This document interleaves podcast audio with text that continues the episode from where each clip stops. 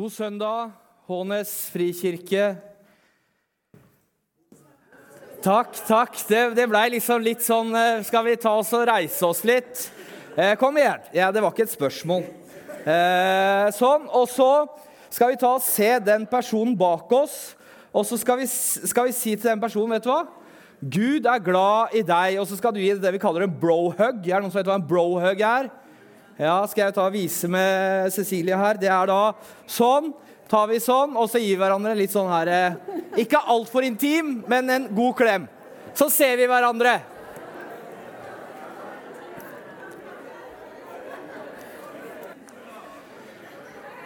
Flott! Da har vi fått eh, fram smilet litt, og vi har, kjenner at det er søndag. Og ja, vi er i fastetid, men vi trenger ikke gå rundt med en sur mine for det. Eh, dagens tema det er, eh, som jeg fikk tildelt her helt på, på begynnelsen av dette semesteret, det er Jesus som syndernes venn. Og da tenkte jeg som følger Ok, Hvis vi skulle ha det temaet, så tenkte den personen som ga ut disse temaene Ok, hvem i Hånes frikirke er vår største synder? Mm, Stian, den her tar du. Eh, så da vet vi i hvert fall hvor det ligger. Da er vi der. Eh, så jeg vet hva jeg snakker om. Eh, Jesus som syndernes venn. Jesus eh, dro hjem til Sakkeus. Han var gjest hos notoriske syndere. Han dro hjem til Matteus og spiste middag med mange tollere og andre beryktede syndere. Uten å legge skjul på det var han sammen med mennesker som på datiden kunne sammenlignes med prostituerte, halliker, narkomane og andre mennesker som ikke passa inn i kulturen.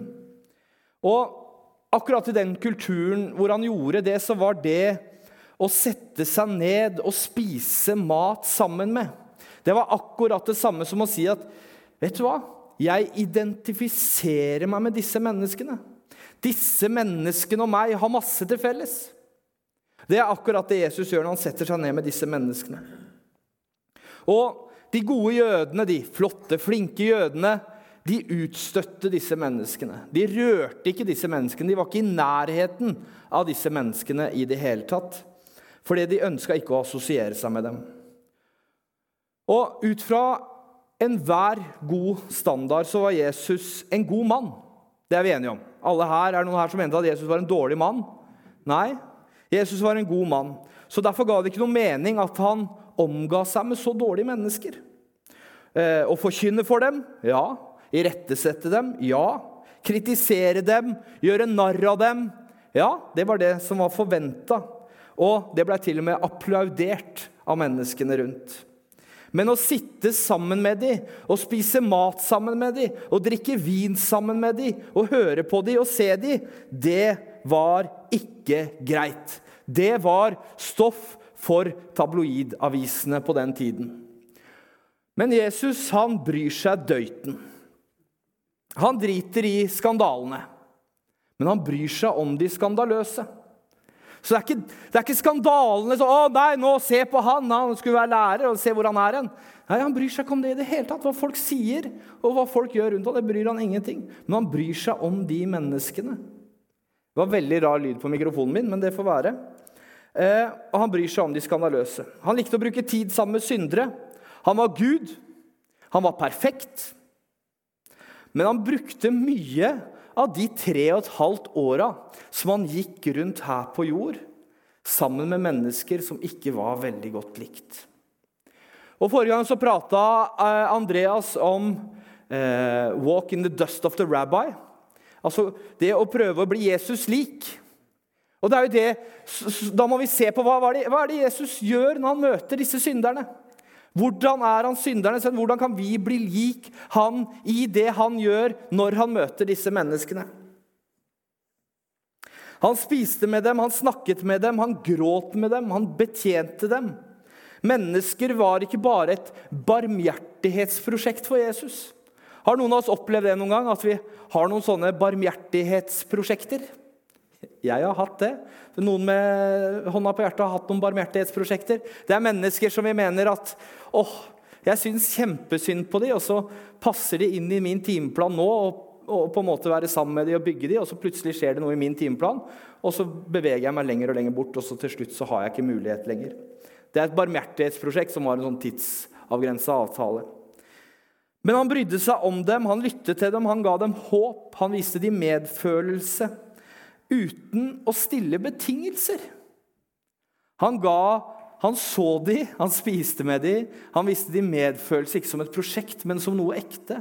Og han stilte ingen betingelser. Jeg opplever ofte det når jeg møter mennesker, mennesker jeg har fulgt nå gjennom snart ti år. Så til å begynne med så var det Jeg satt alltid noen betingelser. Ja, men Hvis du skal komme hit, så skal du være rusfri. Når vi skal sitte sammen og prate, så skal du være rusfri. Du skal gjøre sånn, du skal gjøre sånn, du skal gjøre sånn, og du skal gjøre sånn. Og det funka til en viss grad, men mista mange, redda noen. Så tenkte jeg ja, ja, det er jo bedre med de enn ingen. Så, så da ble på en måte prosjektet lagt der. Men Jesus sa at det er ikke de friske som trenger lege, det er de syke. Og Det var derfor han tilbrakte så mye av tida si med de trengende, hjelpeløse og de fordervede. Han bøyde seg ned til deres nivå, for han visste at ingen av de og ingen av oss kan reise oss opp til hans. Han reiste seg ned på deres nivå. Og det var ikke for å vise hvor god han var, eller hvor dårlig de var, men det var for å gi dem håp. Han ønska å gi disse menneskene håp. Og Jesus er ikke bare syndernes venn, men han er også deres eneste ekte venn. Og Jesus han er venn med de som er villige til å innrømme at det er ikke alt som funker perfekt i livet. Jeg får ikke til alt. Og det er ikke alt jeg kan overvinne. Og i den prosessen hvor du erkjenner det med deg selv, da er Jesus nær. Og du trenger ikke være verdens beste person for å være igjen venn med Jesus. Du trenger bare å være ærlig. For Hvis du er ærlig, så står det vel i 1. Johannes 1,9 at dersom vi bekjenner våre synder, er han trofast og rettferdig. Han tilgir oss syndene, han renser oss for all urett. Og Da handler det om at det starter med at vi må være oppriktige med oss selv. Når vi er ærlige med oss selv, så ser vi faktisk noen ting i oss selv som kanskje ikke er helt perfekte. Men for meg i en lang periode så hadde jeg et bilde av Gud. Og dette var det bildet jeg hadde av Gud. Han var sint, han var hevnlysten, og han bare venta på en mulighet for å straffe meg. Ja, nå, Stian, nå begynner han å Der igjen! Hæ, nå dreit du deg ut igjen! Nå skal jeg virkelig kjøre alt over deg en gang til. Han, altså, han hadde bare lyst til å, altså, Det var det bildet jeg hadde. For det var på en måte sånn jeg hadde erfart ting tidligere. Eh, men det hadde vært bedre det hadde vært bedre om vi så ham slik som Jesus var. Hadde jeg hatt det bildet av Gud de første åra av livet mitt, så hadde ting kunnet vært litt annerledes. Og det er nemlig det at Jesus sier at 'jeg er kommet for å vise dere hvem far er'. Far er ikke sånn mange av dere oppfatter han. Far er veldig lik sånn jeg er. Med andre ord malte han Gud for oss med ord, gjerninger, perspektiver og i prioriteringene hans var identiske med Guds. Og hvis Jesus elsket onde mennesker, så elsker Gud onde mennesker. Hvis Jesus er syndernes venn, så er Gud syndernes venn. Og så er det viktig å forstå at Gud ikke lar seg skremme av våre synder. Vi har ofte en tendens til å bli skremt av våre egne synder. Og jeg vet ikke hvordan du reagerer, men når noen forteller meg at de har gjort noe galt, de har synda, så er det litt sånn Hæ? Seriøst? Shit, nei, du gjorde ikke det? Altså, hva skjedde? Hva er greia? Hvordan? Hva, bla, bla, bla, bla. Eh, og hvordan reagerer Gud? Eh, I Johannes kapittel 8 så finner vi en historie om en flokk religiøse hevnere som hadde grepet en kvinne i ekteskapsbrudd. Og de tok henne fram for Jesus. Og det står i kapittel 8, vers 3-6. De kom, de skriftlærde og fariseerne, med en kvinne som var grepet i ekteskapsbrudd. De førte henne fram og sa, 'Mester, denne kvinnen er grepet på fersk gjerning i ekteskapsbrudd.' I loven har Moses påbudt oss om å steine slike kvinner. Men hva sier du? Dette sa de for å sette ham på prøve, så de kunne få noe å anklage ham for. De så på ham, folkemengden rundt så på ham, og de så på denne kvinnen med skadefryd. Noen som har opplevd skadefryd noen gang? Det er en god følelse. Eh, ofte så er det i feil situasjoner. Men de så da på Jesus med skadefryd, og de sier at se her, nå har vi tatt denne dama. Hun har drevet med seksuell umoral, og hun er tatt på fersken. Deretter så spurte de Jesus hva er, det, hva er det som du syns hva syns du burde skje med henne. Og de forventet at han skulle felle dom over henne. De religiøse lovene krevde tross alt at hun skulle steines til døden for en slik synd. Men Jesus kaster ingen steiner. Han trekker ikke pusten i hellig fordervelse. Er det noen av dere som har opplevd en som trekker pusten i sånn hellig forferdelse noen gang? Nei! Har dere opplevd det? Det har jeg gjort, for jeg har synda ganske mye. sant? Den største synderen i Håndens frikirke. Stian, har du gjort det? Jeg tror ikke du kan leve. Han rødmet ikke, han kom ikke med truende utsagn. Men i stedet så, så han forbi syndene hennes. Han så henne, han så hjertet hennes, han så hvem denne jenta egentlig var. Når hun så Jesus, så så hun øyne som var fulle av medlidenhet. Og så, så vendte han seg til anklaget hennes, hennes og sa, 'Kan ikke den av dere uten synd ta og kaste den første steinen?' Eh, hvis dere skulle kasta stein på meg Jeg har synda ganske mye. Hvis dere skulle kasta stein på meg nå, den av dere uten synd, hvem hadde kasta? Nei, ingen. Ingen der heller. Alle lot være. Så står det at de eldste gikk bort først, og så de andre etter. Og hva er det med det? De eldste gikk først. Jeg tror det har, altså Nå har jeg blitt 35, og jeg merker at eh, arrogansenivået synker litt sånn for hvert år. Det kan ha noe med det at de eldste gikk bort først. At eh, alder og arroganse har noe som spiller inn, og at uh, jo lenger vi lever, jo mindre blir denne arrogansen. Og Så snur Jesus seg til denne kvinnen og så sier han, 'Hvor er dine anklagere? Har ingen fordømt deg?' Nei, svarte hun, og Jesus sa, 'Heller ikke jeg fordømmer deg. Gå bort og synd ikke mer.' Altså, jeg, jeg vet ikke hvor mye dere har opplevd av sånne fordømmende blikk. Jeg har gått rundt i ti år med sånne fordømmende blikk. Og når jeg sleit med livet mitt i ti år i Langesund altså Langesund er et stort sted med ca. 3500 innbyggere. Eh, alle kjenner alle, alle kjenner besteforeldrene, alle, alle, vet om hva dine besteforeldre gjorde på byen på 50- og 60-tallet. Eh, så man har på en måte en merkelapp ganske tidlig. Eh, og Jeg husker at jeg utsatte å gå på butikken for å møte minst mulig mennesker. Så jeg gikk gjerne sånn Det var den gangen butikkene stengte ni, sant? eller åtte. Sånn ti på åtte da prøvde jeg å gå på butikken for å handle. Og hvorfor gjorde jeg det? Jo, det var jo ene og alene for å slippe de fordømmende blikkene. Men så var det selvfølgelig hun som satt i kassa på Prix.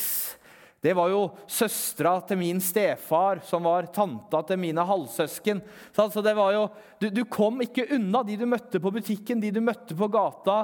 Du så de i blikka deres. Du følte de bare la en kappe med skam over deg. Og jeg var fanga i den situasjonen jeg var. Jeg hadde fortida mi, jeg følte meg fryktelig alene. Og jeg var forsvarsløs overfor alle disse menneskene som hadde fått til liva sine, og mente at det var deres rett til å sitte og fordømme meg. Når alt håpet mitt så å si var ute i Langesund kirke, så møtte jeg han som virkelig har rett til å dømme meg. Men det jeg opplevde, det var det totalt motsatte. Det var noe helt uforventa. For i øynene hans, når jeg møtte Jesus, så så jeg medfølelse. Jeg følte empati, og jeg kjente håp. En følelse jeg ikke hadde kjent på ti år. Jeg kjente at jeg fikk håp. Og dette håpet er vel noe av det viktigste vi bærer rundt med oss. I det håpet knuser, hvor står vi da? Hvis jeg hadde sagt til dere at vet dere hva? Himmelen og evigheten det var ba Jesus bare kødda. Han bare tulla. Det, det stemmer ikke. Hva hadde skjedd da? Håpet om evigheten, håpet om herligheten, håpet om det evige hadde vært borte. Hva, hva, hva, hva hadde skjedd? Så kan dere tenke litt på den følelsen. Også når dere møter sånne mennesker, så kan dere tenke at det er mye av den følelsen de går rundt med. Og ofte så er vi strengere dommere enn det Gud selv er. Det onde i andre vekker en sånn rettferdig vrede i oss. Og vi tar på oss dommerkappen, og så klubber vi i vei. Ja, der, ja, der ser jeg. Han skal egentlig dit, ja. Der er en, han skal dit. Ja, vi gjør det. Sånn, ikke at vi, vi, vil vi innrømme det, for det er ingen her som vil, men vi gjør det. Eh, når vi bare ser dem, så kommer det en tanke, og det er faktisk en dom som vi feller over andre. Eh, og vi hører ikke på historiene deres. Vi dømmer folk til livstid, mens Gud i himmelen sier, 'Vent, vent, vent, vent. Slapp av. Jeg elsker denne kvinnen. Jeg elsker denne mannen, for han kan faktisk bli frelst.' Han har ikke møtt meg, han kjenner meg ikke ennå. Den mannen har en ufattelig verdi. Og så tenkte jeg, når jeg satt og skrev denne talen, så tenkte jeg Hva er det som har skjedd sist i mitt liv som jeg kjente denne følelsen virkelig trenge inn, som jeg måtte jobbe virkelig hardt med, og som jeg enda ikke da hadde kommet fram til en løsning på? Det var at Jeg leste i avisene, jeg så noen dokumentarer om disse kvinnene som har rømt fra England, rømt fra Sverige, for å ned og kjempe i kalifatet IS. Og nå sitter de der nede i flyktningleire og roper 'Jeg vil hjem igjen'. Og så tenkte jeg med meg selv Hva følte jeg? Jeg tenkte det er helt greit. Det er helt greit at de sitter der nede. De valgte dette på egen hånd. De stakk av fra det landet. Dette her var ikke noe de ville ha. Nei vel, da skal de få det akkurat sånn som de ville ha det. Men hva er det jeg gjør da? Jeg dømmer jo disse kvinnene nord og ned. Jeg velger å ta på meg dommerkappa, og så dømmer jeg de til livstid der nede med ungene sine og ferdig snakka. Men er det min makt? Er, det jeg? Har Gud sagt Stian, vet du hva? nå skal du få all makt i himmel og på jord til å dømme mellom det som er godt og det som er ondt i denne verden? Ingen av oss her inne er gitt den makten. Burde de blitt frelst? Disse menneskene som har muligheten til å bli frelst, burde de bli det? Eller tenker vi sånn Ja, kanskje greit å ikke se de der oppe? Nei. For det kan virke som om rettferdigheten må skje. Rettferdigheten må utføres, og rettferdigheten må oppfylles. Og hvis den må oppfylles, da tror jeg vi alle sammen sitter i samme båt. Det står i Romerne 6,23.: Vi har alle syndet og mangler Guds ære. Vi har kanskje ikke drept noen, vi har kanskje ikke vært i noe kalifat eller vært terrorister, og andre ting, men vi er alle syndere. Og all synd er lik for Gud. Gud er 100% hellig. Så det vil si at alt mørke er mørke for Gud. Og vi har alle på en eller annen måte gjort et opprør med Gud. Og den kjensgjerning at Jesus er syndernes venn, det er gode nyheter for meg. Den verste synderen på Hånes får lov å være venn med den mest perfekte av alle menneskelige skapninger gjennom all tid og gjennom all evighet. Kanskje ikke mine synder er så synlige lenger, men de er fortsatt der. Jeg synder fortsatt. Og fienden er ikke onde mennesker, men det er ondskapen i seg selv. Og siden vi alle har en anelse ondskap i oss, hvem er vi til å kaste den første steinen?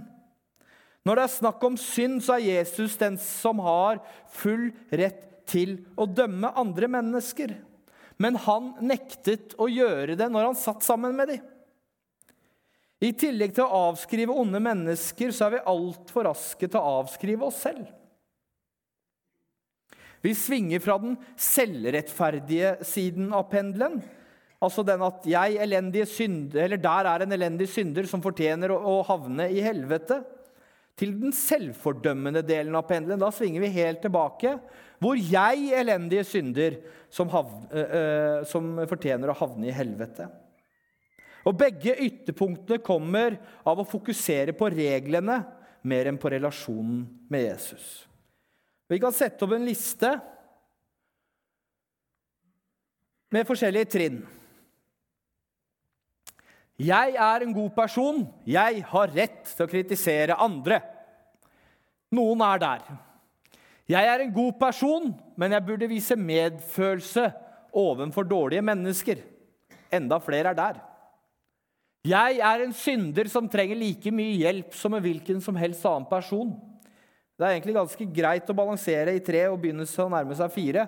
For i nummer fire så sier jeg jeg er elsket av Jesus akkurat som jeg er. Og det er alle andre også. For jeg tar meg selv i å bevege meg bakover denne, i disse trinna ganske ofte. Men hvis Jesus kunne si én ting til deg nå Hvis Jesus kunne kommet og stilt seg foran deg som en person og spurt deg hva? Hva, hva tror dere Jesus ville fortalt dere? Hadde, vi hadde et eh, ektepar i menigheten på middag på fredag, og så stilte jeg dette spørsmålet til dem. Hvis Jesus hadde en mulighet til å komme nå og si én ting til deg, hva tror du det ville vært? Kona mi tok den, for hun er gift med meg, men de to andre hadde litt, de, hadde, de, sa liksom ja, nei, kanskje de tingene, de tingene, de tingene. Kanskje jeg må slutte å være sånn og sånn og sånn. Og det er ofte det vi tenker. Hvis Jesus kunne si én ting, så ville han komme med en eller annen korreksjon eller irettesettelse inn i livene våre. Og vi tenker at Hvis Jesus bare hadde én en eneste sjanse til å få oss på rett kjøl, så ville han ha sagt noe sånn som ja, Du må slutte å miste besinnelsen overfor barna dine. Du må jobbe litt hardere. Kom igjen, du klarer det. Be litt mer. Vær litt sånn, gjør litt sånn. Reis deg opp, rett deg opp. Vær litt sånn overfor mennesker. Slutt å klage. Har du sett på porno nå igjen? Slutt å gjøre sånne ting. Er du helt ute å kjøre? Skjønner du ikke hvem jeg er? Jeg tror ikke Jesus hadde kommet og sagt det. Jeg tror Hvis han hadde fått én en eneste mulighet til å si oss noe, så ville han sagt, 'Vet du hvor høyt jeg elsker deg?' Kan jeg virkelig klare å få sagt at du forstår hvor høyt jeg elsker deg? For jeg tror ikke vi helt klarer å ta det inn over oss hvor høyt han virkelig elsker oss. For det, det er, altså Hadde vi skjønt det, så hadde vi ikke trengt å stille oss disse spørsmålene engang. For det er en så ufattelig kjærlighet at vi kan ikke klare å begynne å forstå engang. Han elsker oss akkurat nå. Akkurat som vi er. Med all vår historie så elsker han oss. Han står ikke langt tilbake på andre sida av universet og roper Nå må du komme deg opp av det her selvgravde grøfta di. Kom opp av avgrunnen. Gjør deg verdig for mitt rike. Noen tenker sånn. Jeg tror ikke han er sånn. Jeg tror Jesus står til livet i livets gjørme, og han gråter med de sønderknuste, frelser de fortapte og helbreder de syke. Det høres ut som at jeg driver og Synd er bra. Kom igjen. Det gjør jeg ikke. For dere må ikke misforstå. Synd er ikke bra. Synd sårer både oss selv og andre. Synd forurenser, forurenser relasjonen mellom oss og Jesus. Men Bibelen er klar og tydelig. Før eller siden så kommer det ikke til å holde med viljestyrke, utholdenhet, utdannelse, gode manerer. Vi kommer til å gjøre noe galt, hver og en av oss. Og hvis vårt håp da avhenger av hvor flinke vi er, da er vi bokstavelig talt kjørt. Da er vi ille ute. Da er vi i feil livbåt, altså hvis du tror du kan ro din egen frem til målet. Du må hive på han. Og Jesus han ser syndene våre tydeligere enn noen andre. Likevel så elsker han oss mer enn alle andre. Han kommer ikke til å avskrive oss ut av livets bok, selv om vi tok en abort eller er avhengig av reseptbelagte medikamenter, eller om vi ser på nakne mennesker på internett. Han er full av sorg, og han hater synden. Men ondskapen i oss endrer ikke for et øyeblikk engang den overvinnende og overbærende kjærligheten som Gud har til oss.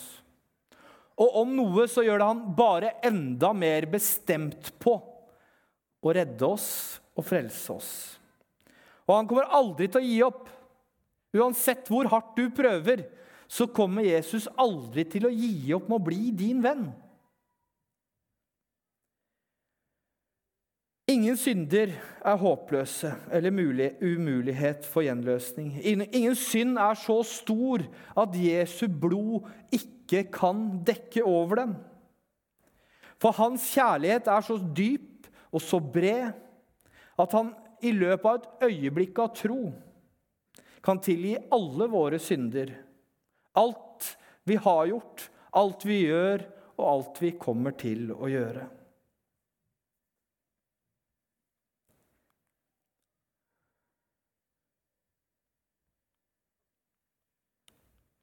En menighet, det skal være Altså, jeg ser at tida mi straks er ute, så jeg rekker jo selvfølgelig aldri å si det siste. Ja, ja takk. Amen. Eh, en menighet det er det stedet hvor vi skal samles ofte. Så opplever man at det er et utstillingsvindu for de vellykka menneskene i vårt samfunn.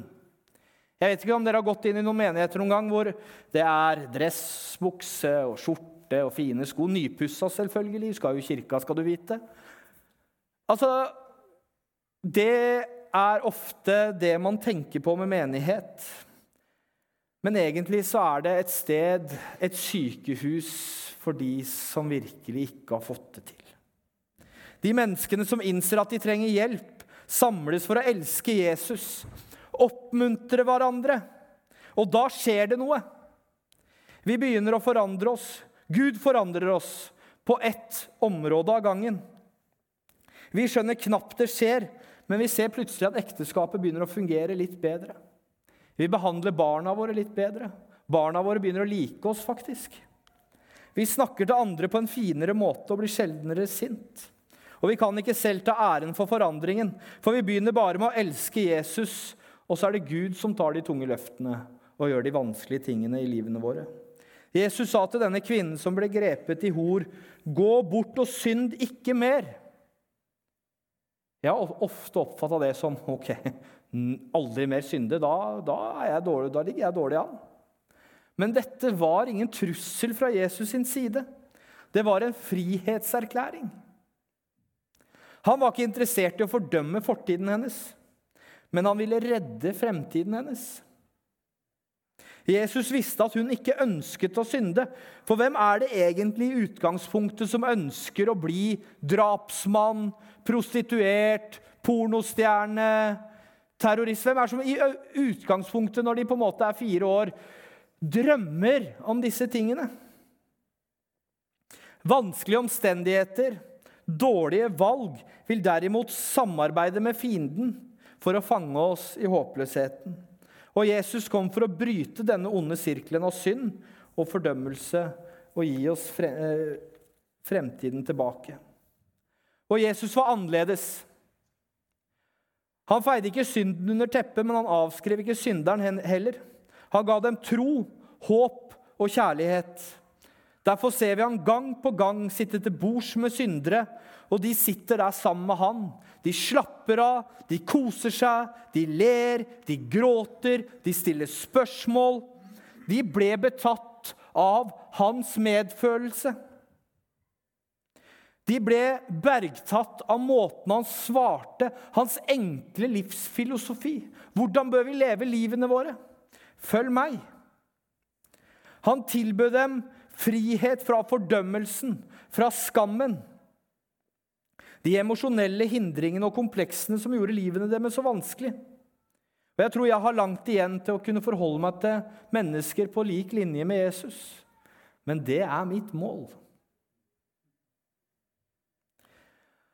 Og så måtte jeg dra inn en sånn liten, for jeg liker å være litt sånn på kanten nå. Eh, for noen ganger så er vi direkte frekke når vi møter mennesker. Jeg har, helt, jeg har gjort dette selv, og jeg har sett kristne mennesker gjøre akkurat dette. Så hvis du kjenner litt sånn at eh, du får litt vonde følelser mot meg nå, så, så tror jeg jeg treffer spikeren på hodet. For vi er litt frekke av og til når vi møter nye mennesker. Vi treffer en homofil fyr. Vi treffer et samboerpar. Vi treffer noen som har tatt abort. Vi treffer noen som lever sammen og har fått barn utenfor ekteskapet. Og så mener vi at det er vår plikt og rett å fortelle dem hva Gud mener om livet deres. Vi mener at vi første gang vi møter mennesker, har retten på vår side til å, å si vet du hva, sånn som du lever nå, det er utenfor Guds vilje. Jeg har møtt mennesker som gjør det. Møtt en homofil mann som sitter ved siden av meg. Men vet du hva? Du synder i Guds øyne. Det var første gangen. Du synder i Guds øyne. Det handler om at vi må møte mennesker der de er. De må se synderen og ikke synden. Kjenner jeg blir litt irritert òg, vet du. Eh, for jeg tror ikke det er sexlivet til folk. Jeg tror ikke det er det som står øverst på Guds agenda. Jeg tror det er kjærlighet, jeg tror det er nåde, barmhjertighet og Jesus Kristus. Og Jeg sier ikke at synden ikke betyr noe, men når synden blir viktigere enn synderen, da bør det ringe noen bjeller. Da er vi på feil vei. For det fins ingen enkle veier til ekte vennskap. For det, den relasjonen kan være rotete og uforutsigbare. Gud viste oss hva ekte kjærlighet er. Og Det mest kjente verset i hele Bibelen må vel være Johannes 3, 16. For så høyt har Gud elsket verden, at han ga sin sønn den enbårne, for at hver den som tror på han, ikke skal gå fortapt, men ha evig liv. For så høyt har Gud elsket verden,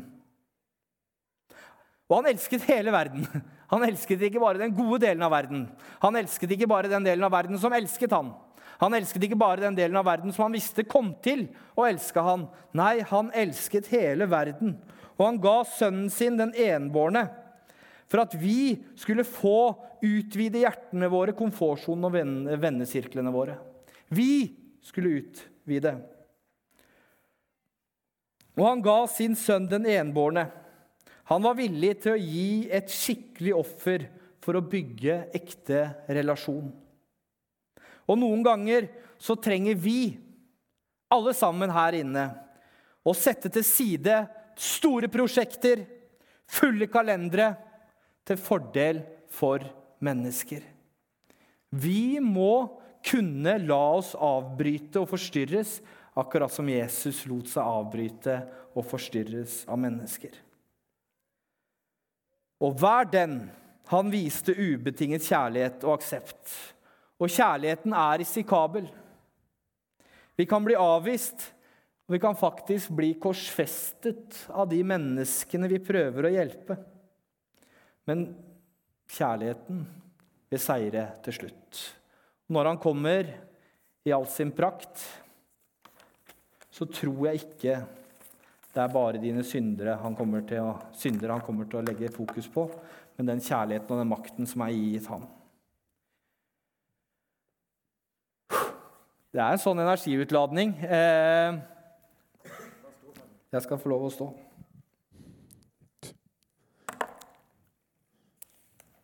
Takk. Vi trenger å høre det. Jeg, jeg berører skikkelig dypt. Um, du sier to ting. Den selvrettferdige og den selvfordømmende har samme utgangspunkt. Den styres av loven, av reglene og alle disse skal, skal ikke, alt det der. Og ikke av en relasjon av nåden. Og jeg tror mange av oss trenger bare liksom å få det dypt inn i vår liv. At den selvrettferdige og den selvfordømmende har samme utgangspunkt. Det er loven. Eh, kan du be for oss? Ja, Nå Med glede. Ja. kan vi reise oss opp.